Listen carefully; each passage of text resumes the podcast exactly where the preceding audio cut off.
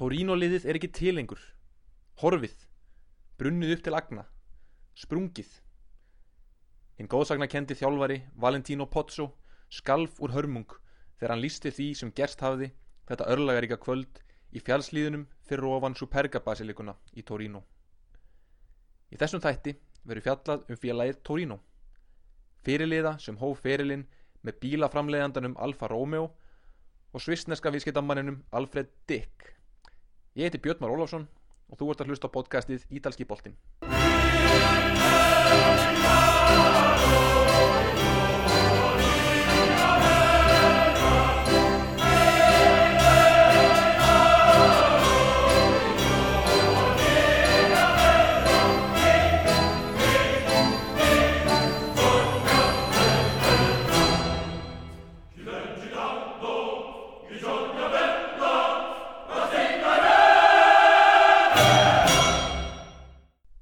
Knatsbyrnufélagið Torino var eitt besta knatsbyrnulið heims eftir setni heimstyrjöldina. Félagið vann ítörsku deildina árið 1943, 1946, 47, 48 og 49 og ítalska byggarinn 1943 sem sagt tvennuna það ár. Þetta var fyrir tíma Evrópukjafninar eða forvera mestaradeildarinnar eins og við þekkjum hann í dag. En á þessum tíma leku líka flestir leikmenn Torino með ítalska landsliðinu. Í landsleika einum voru til dæmis tíu byrjunarlismenn landsliðsins leikmenn Torino. En við skulum byrja á byrjuninu og fjalla um sögu þessa félags sem kemur frá borg með tvö stór knatsbytnufélög með stórkostleiri knatsbytnusögu. Félagið var stopnað árið 1906 í borginni Torino sem fútbólklöpp Torino með saminningu nokkura minni félaga í borginni. Hitt stóra félagið í Torino, Juventus, var stopnað aðeins fyrr eða árið 1897 sem sportklubb Juventus. Hluti af stopnendum Torino voru óánæðir fyrrum Juventusmenn sem töldu að Juventus hafi þróast of mikið yfir í professionalisma og vildu snúa aftur í áhuga mennskuna. Áhuga mennska Torino var augljós í byrjun en það var stoppfundurinn haldinn á ölkjallara í borginni. Fossiti félagsins frá upphafi var svissneski viðskiptamadurinn Alfred Dick sem áður hafði stutt duglega við Juventus. Torino er yðnaðaborg á norður Ítalju og höfuborg Piedmont hérasins. Borgin var fyrsta höfuborg Ítalju frá saminningunni árið 1861 en var heimastæður Savoia ættarinnar sem var konungsfjölskylda Ítalju þar til landið var líðveldi. Borgin var höfuborg til ásins 1865 þegar Flórens tók við áður en núverandi höfuborg landsins Róm tók við titlinum árið 1870.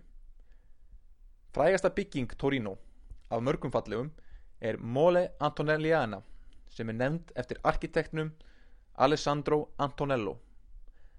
Ástæðan fyrir því að ég nefni þessa byggingu sérstaklega er að nákvæmnarslægurinn á milli Torino og Juventus nefnist einmitt Derby della Mole.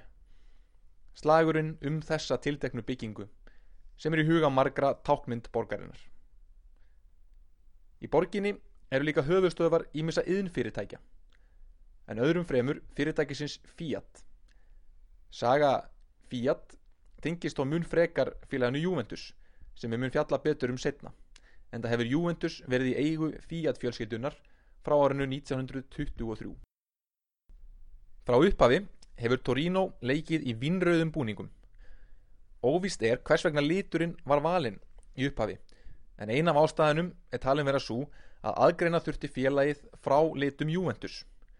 Juventus spilaði upphaflega í bleikum búningum og svörtum, en tók síðan upp þess að þekktu svart-kvítu búninga. Og það er sérstök saga að segja frá því. Stopnendur Torino völdu því þennan vinnröða eða burgundi rauða lit Eh, kannski til þess að vísa í hersveitina Brigade Savoia sem frelsaði borgina undan okri Savoia hertuadæmisins á sínum tíma. Viðunefni Torino, félagsins, kemur einmitt frá þessum enginandi lit, Granata. Torino leikur í dag á olimpíuleikvagnum í Torino sem byggður var árið 1933. Þegar völlurinn var víður var hann nefndur Stadio Benito Mussolini en af einhverjum óskiljanlegum ástæðum var hann endur nefndur olimpíuleikangurinn síðar eftir fall fasismans. Tekur völlurinn 28.000 manns í sæti og hefur Torino leikið á honum með stuttum hlýjum frá árinu 1960. Félagið skipti svo yfir á Stadio del Alpi, eða Alpavöllin, og deildu þá velli með Juventus, en nú er Juventus flutt á Juventus Stadium eins og flestir vita og Torino eru einir með olimpíuleikvangin. Fyrsti nágrannarslagur á milli Juventus og Torino var haldinn árið 1907, sem sagt ári eftir stopnun Torino og er það að mörgum því talin elsti borgaraslagurinn á Ítalíu. Það er þess að fyrsti leikurinn á milli tveggja liða frá sömu borg. Stuðningur við Juventus kom í upphafi frá efristjættum borgarinnar. Juventus var stopnað af nemyndum við virtan háskóla í borginni og frá árinu 1923 hafði félagi stuðning Agnelli fjölskytunar sem stopnaði Fiat-veldið. Þá naut félagið stuðnings aristokrata í borginni. Torino hins vegar var í upphafi lið verkalýsins. Þetta áttu þú eftir að breytast eftir því sem að áratugin liðu en það fóru margir verkamenn og starfsmenn Fiat versmiðana að styðja við Fiat liðið Juventus. Juventus sækir í dag stuðning sinn út um allt land og allan heim raunar og meðan Torino sækir sinn stuðning í dag nær einungis til borgarinnar. Bæði félögin eru með, eru með nöyt í merki félagsins en það er nöyt á afturfótunum tákn borgarinnar. En Juventus er enda nýbúið að breyta um merki og er merki þeirra í dag einhvers konar stórtu jóð sem gefur Juventus einmitt ákveðna sérstöðu þar sem að jóð er ekki bókstafur í ítarska stafróinu. En aftur að fyrsta nágrannarslagnum. Torino vann þennan fyrsta nágrannarslag. Sagan segir að Alfred Dick, fósiti Torino, hafi verið læstur inn í búningsklefa liðsins áður en leikurinn hófst og hann hafi því mist af leiknum af einhverjum ástæðum. Fyrstu ár Torino leik liðið á Velodrome Umberto sem var knatsbytnu og hjólreðavöllur frá árinu 1898.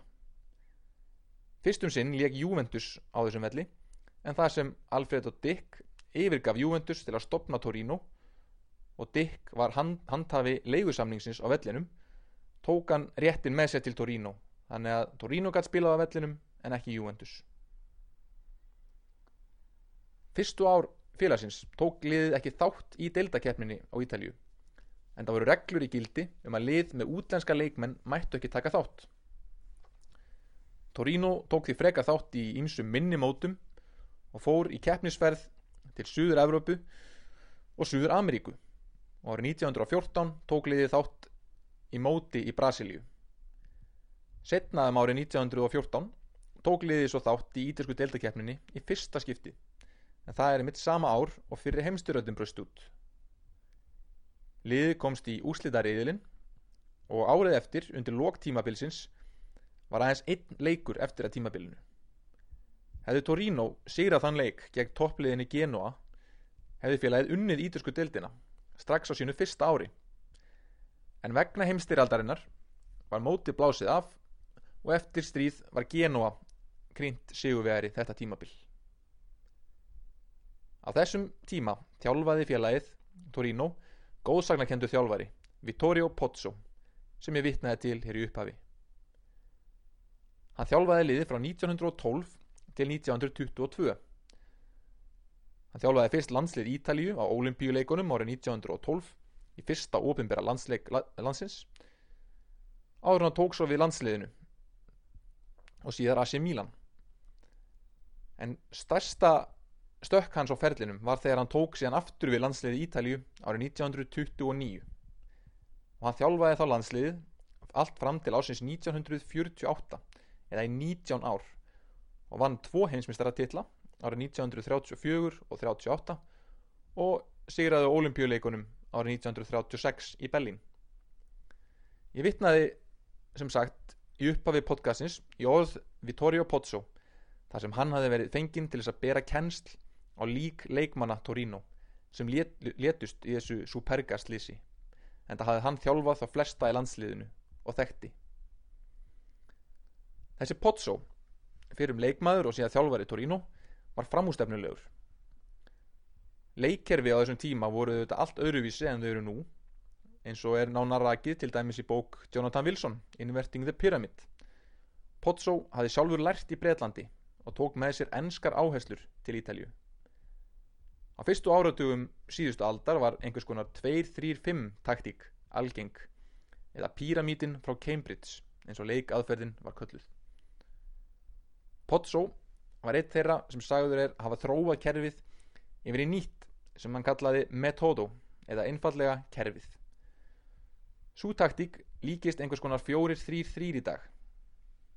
Það voru fjóri varnamenn, þar af mjög sóknarsinnaði bakverðir, þrýr miðjumenn, þar af einn leikstjótandi í miðjunni og tveir mediano, sitt góri með við hann, eða það sem á ítersku kallast mezzala.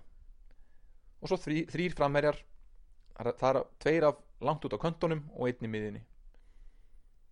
Flesta stöður og hlutverk á vellinum eins og margir þekkja eiga sér sérstök heiti á ítölsku eins og trekvartista eða pirlóstaðan og mun ég einhverjum setni þætti fara eins betur yfir allir þessu hugtök en ég læta að býða að sinni. Þessi Pozzo var líka þekktur fyrir það sem landsliðstjálfari að notast við leikmenn sem voru frá Suður Ameríku en höfðu ítalska ættingja. Þessi leikmenn eru í dag kallaðir Oriundi og eru enn í landsliðinu í dag eins og til dæmis framherjin Eder. Öldin áður höfðu margir ítalir flutt til Suður Ameríku og því um auðugan garda Gresja þegar koma því að velja leikmenn með ítalskan bakgrunn. Þegar Pozzo var gaggrindur fyrir að nota erlenda leikmenn sem jafnvel höfðu áður leikið landsleiki fyrir Argentínu eða Brasilíu benti hann á að erlendir aðilar með ítalska ættingja væru allir gjaldgengir í ítalska herin. Og hann sagði því þessi fleig orð ef þessi leikmenn megi að láta lífsitt fyrir Ítalju þá megi að spila fótbolta fyrir Ítalju og þar við satt Hetja Ítala í ústættaleiknum að HM 1934 var einmitt Raimondo Orso sem hafi leikið með Argentínu á HM fjórum árum áður. Og hetja Ítalju árið 1938 var úrugvægin Michele Andreolo Pozzo lést síðan árið 1968 sama ár og Ítalja vann Europamistratitilinn í eina skipti í sögu keppninar. Eins og ég sæði upphafi þá vann Torino ítalsku deildakeppnina fjórum sinnum í röð frá 1946 til 1949 og var liðið á þessum tíma einfallega kallað Grande Torino og þarnast það engrar þýðingar. Sá sem fór fyrir uppbyggingunni árin áður var fósittin Ferruccio Novo sem tók við félaginu árið 1940. Hann veitti félaginu fjármagn og réð til félagsins afar hæft fólk til að stjórna því.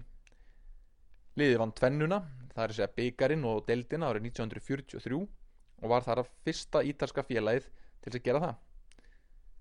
Fyrir liðiliðsins og útvíraðu liðtógi innan valla sem utan og leikmaður sem talin er vera eitt besti leikmaður Ítalíu fyrir og síðar var miðjumæðurinn Valentino Mazzola. Þessi leikmaður átti mjög áhugaverðan feril. Hann ólst upp hjá fátakri fjölskyldu, nálat Bergamo, sem er skamt frá Milano. Fadir hans átti erfitt með að fá vinnu. Þurfti Valentino snemma að vinna sjálfur fyrir sér.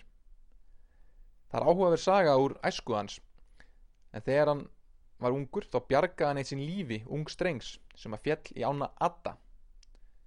Valentino stökk út í ána og drýði mikla hetjut áð. Drengurinn sem að bjargaði átti síðar eftir að vera knaspjutumadur sem leik yfir 200 leiki fyrir AC Milan og marga þeirra sem fyrirliði liðsins Andrea Bonomi. Þessi Matsola var hæfileikaríkur í knaspjutnu og körfubólta en hann þurfti líka vinnu. 21 árs gamall fekk hann tilbúð frá félaginu Alfa Romeo um að leika með þeim í serju C. Hér erum að ræða bílaframleðandan Alfa Romeo en á þessum tíma voru starfsmenn í versmiðu félagsins með lið skráð í deildakeppninni.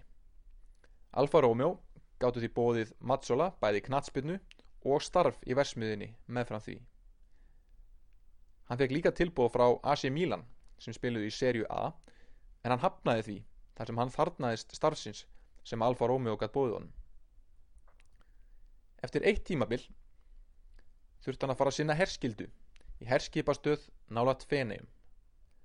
Þar lauk hann líka námi og fór að spila með félaginu Venezia. Hann hafði spilað fótbolta með vinun sínum í herstuðinni þegar eitt starfsmæður Venezia sá til hans.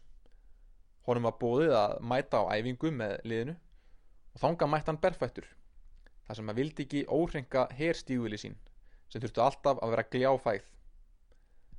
Þar sannfærið hann þjálfara Venezia um að gera við hann samning og þar leik hann í þrjú ár. Áður en hann kom þanga hafði hann leikið sem kantmaður en þarna fór hann að spila meira í stöðu miðjumanns eða öðru hverju megin við hliðin á leiksutandunum sem það sem kallast á ítölsku Metsala. Þannig að Matsola spilaði sem Metsala. Hann nýttist liðinu best sem sóknarsinnaði miðjumæður en það skoraði hann 118 mörg í 195 leikum með Torino síðar. Hann á líka metið fyrir hröðustu þrennu í sögu ítersku deildarinnar.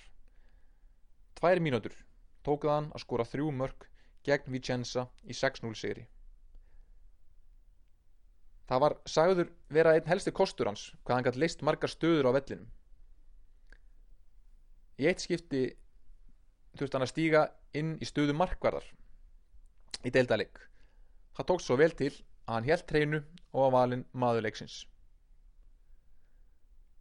Eftir að hafa leikið með Venezia í þrjú tímabil fóru stórlið að færa víurnar í hann. Torino og Juventus höfðu bæði áhuga og höfðu, höfðu Juventusmenn gett samkómulag við Venezia um að kaupa hann. En það sem Torino buði honum herri laun þáði hann það og gekk til liðs við Granata. Hann var fljótt óumdeltur leiðtói liðsins. Hans svona signature move var að þegar að móti blés þá bretta hann upp ermarnar á síðherma treyjunu sinni og þá vissu áhörvendur að honum var nóbóðið og nú þetta liðið að stígu upp. Enzo Bearzot sem gerði ítalska landsliðið að heimsmeisturum á HM 1982 sagði á sínu tíma að besti knaspinumæður Ítalju fyrr og síðar væri Valentino Mazzola.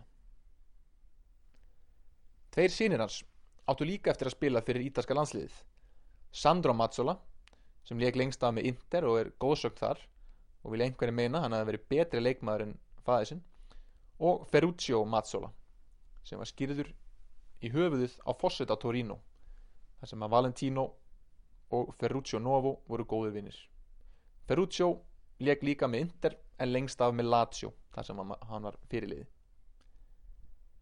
en allt það sem Ferruccio Novo Fossetti liðsins Torino hafði byggt upp fram til ásins 1949 prundi á sorglegan hátt það ár.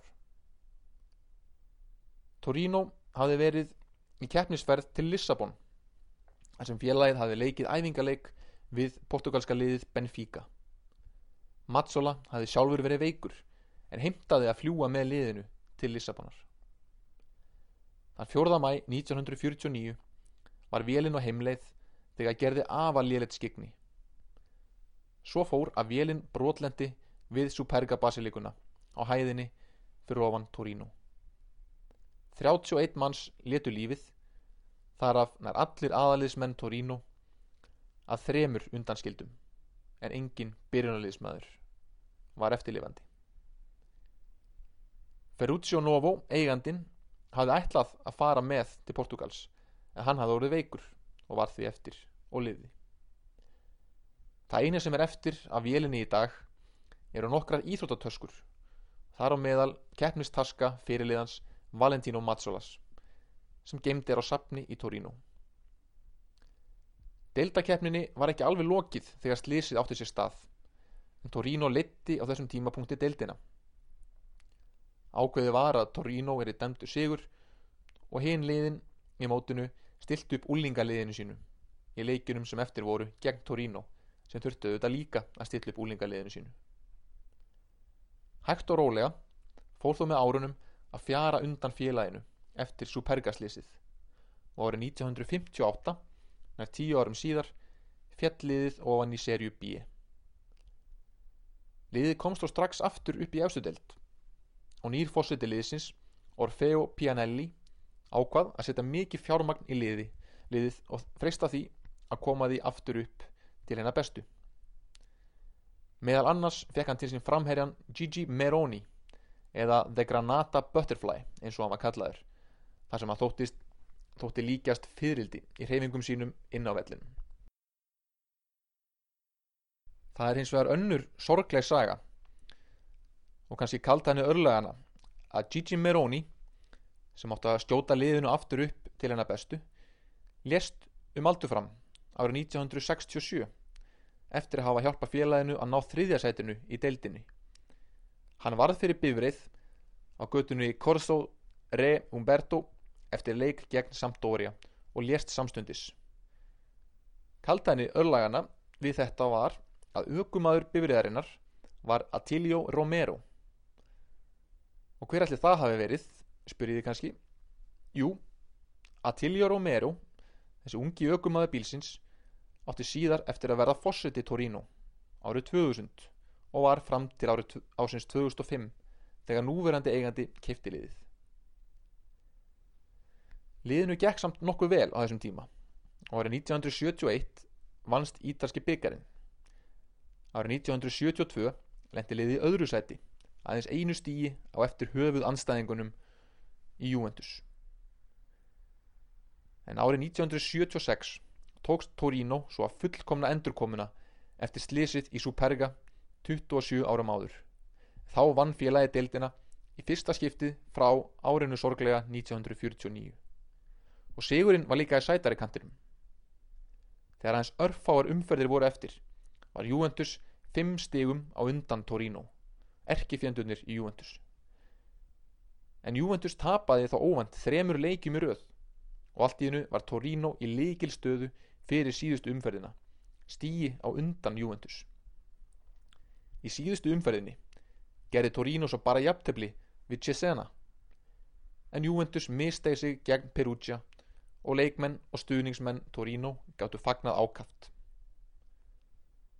Næstu tvö ár endaði Torino í öðru seti áður en félagið fór aftur að dala.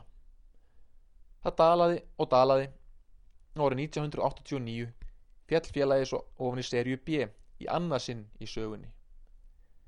En líkt og í fyrra skiptið skust liðið aftur upp strax tímabilið eftir upp í serju A og því lík endurkoma sem það varð.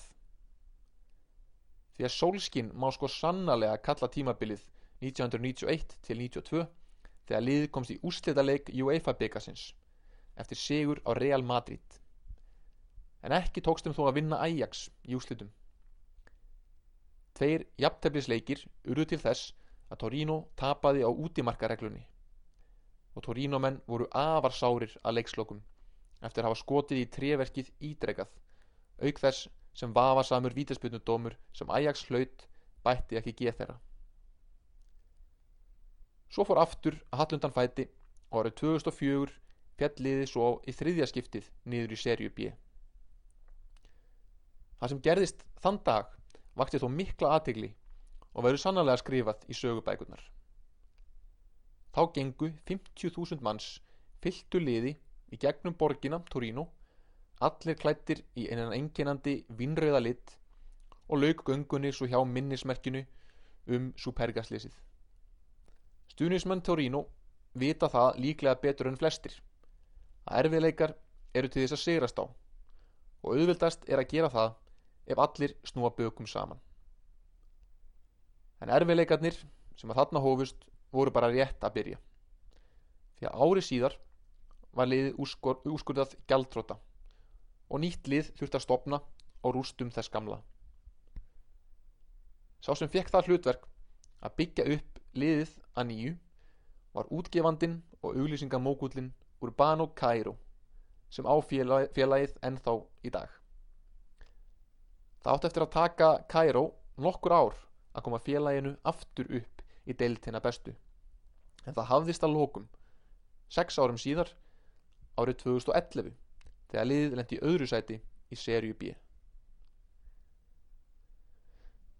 Sá sem á mestan heiður af því að, hald, hafa haldið liðinu uppi frá árinu 2011 er þjálfarin Giampiero Ventura sem í dag er tekin við sem landslýstjálfari Ítalíu.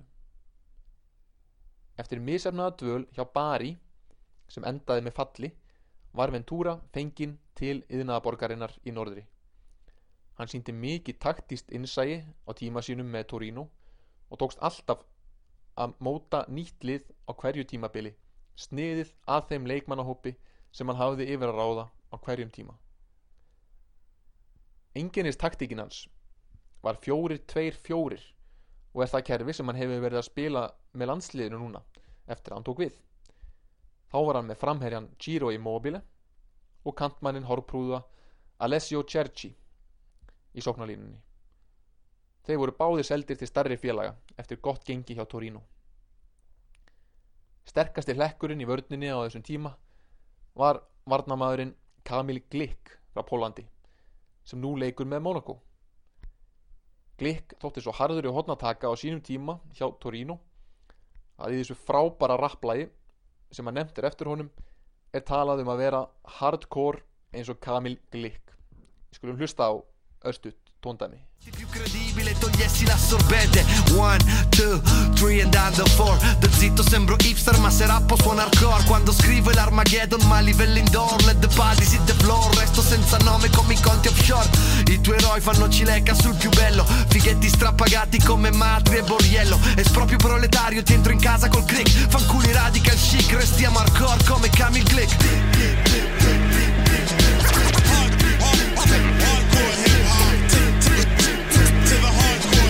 casa col click Restiamo hardcore come Camille Glick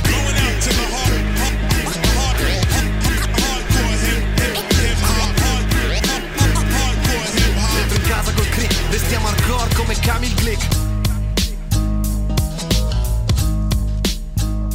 klikk, klikk, klikk, klikk, klikk, klikk.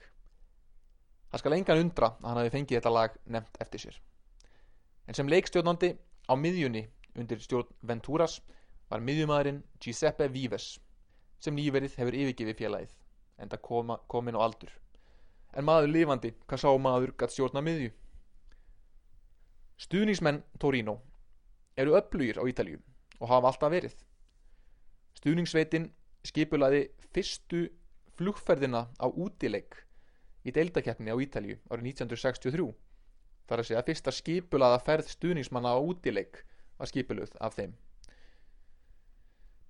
Stuðningsmennina má finna í öðrum endanum á olimpíuleikvagnum á stað eða í annari beigjunni sem nefnist Kurva Maratona.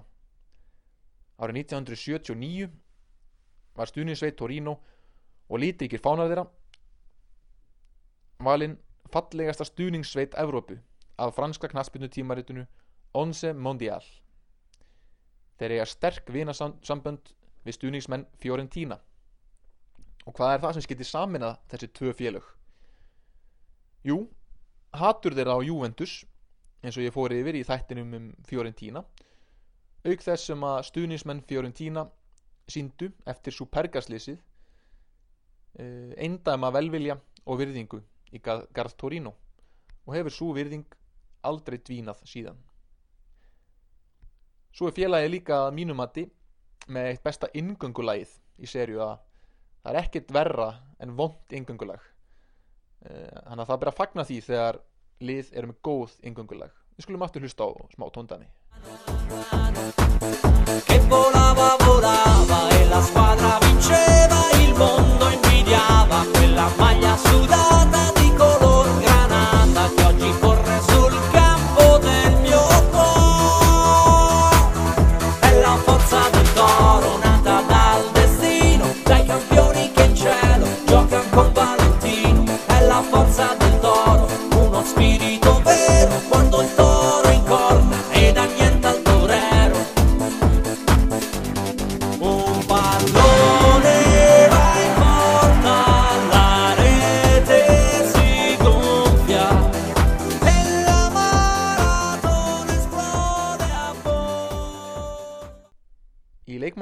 Torino eru margir góði leikmenn í dag. Liðinu stjórna nú Sinisa Mihailovic, aukaspilnu sérfræðingurinn sem að leik lengst af með Lazio og Inter.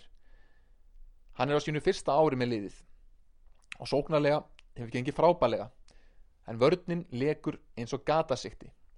Þrátt fyrir enska landsliðsmarkvörðin Joe Hart eða Joe Art eins og Ítali kallan.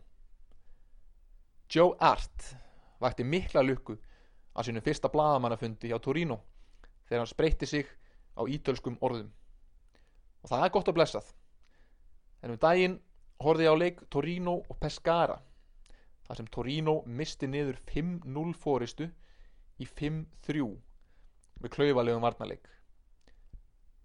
Eitt mikrofón frá sjónvarsútsendingunni var staðsettur aftan við markið hans hart og það voru allt annað en ítalska glósur sem fengu að fjúka úr mununum á honum Fuck. Heyrðist þetta er fyrsta markið. Fuck off. Í öðru markinu. Og einfallega For fuck's sake í þriðja markinu. Frammi hjá Torino leikur ungstirnið Andrea Bellotti sem er eitt heitasti framherri landsins í dag og hefur verið orðaður við hvert stórt félag á fætur öðru. Hann hefur hefur viðunefnið Il Gallo eða Hanin og fagnar hann mörkum með viðigandi Hanafagni. Hann er fjölhæfur stór, sterkur og fljótur góða reyfingar og frábær skallamæður og ásamt Róma landsmönnunum Adam Jajic og Iago Falki hefur hann myndað gott tridente fremst hjá Torino í ár.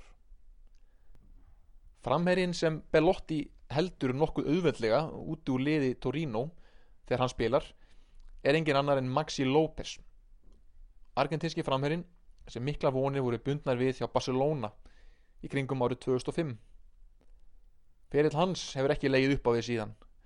Hann gekk fyrst til liðs við FC Moskvu eftir að Barcelona æfintýrinu lauk áður hann flutti til Ítalíu og til Catania árið 2010 Þar átt hann eitt gott tímabil áður en hann var lánaður til Sampdoria þar sem nokkur sérstök aðdegi lífans og, og eiginkonu hans Wanda Nara urðu til þess að hann er ekki þekktur fyrir innanvallarhegðun í dag heldur utanvallar drama Deilur hans við Mauro Icardi liðsfélagi sinn hjá Sampdoria eru öllum þekktar og muni kannski fara betur út í það í setni þætti.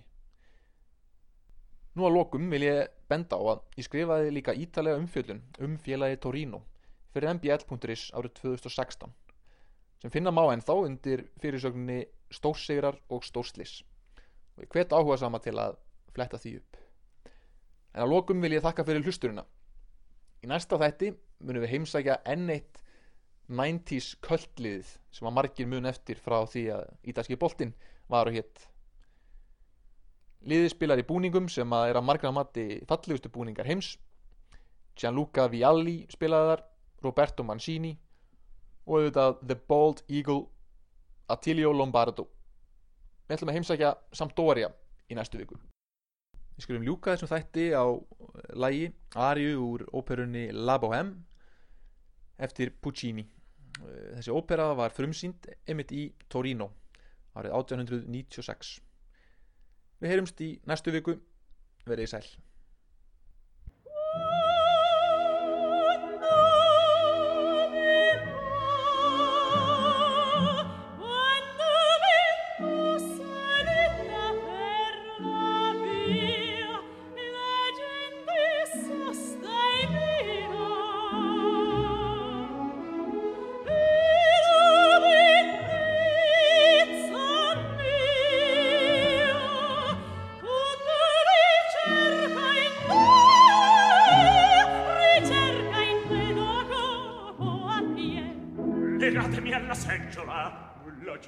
te che dirà. E basta.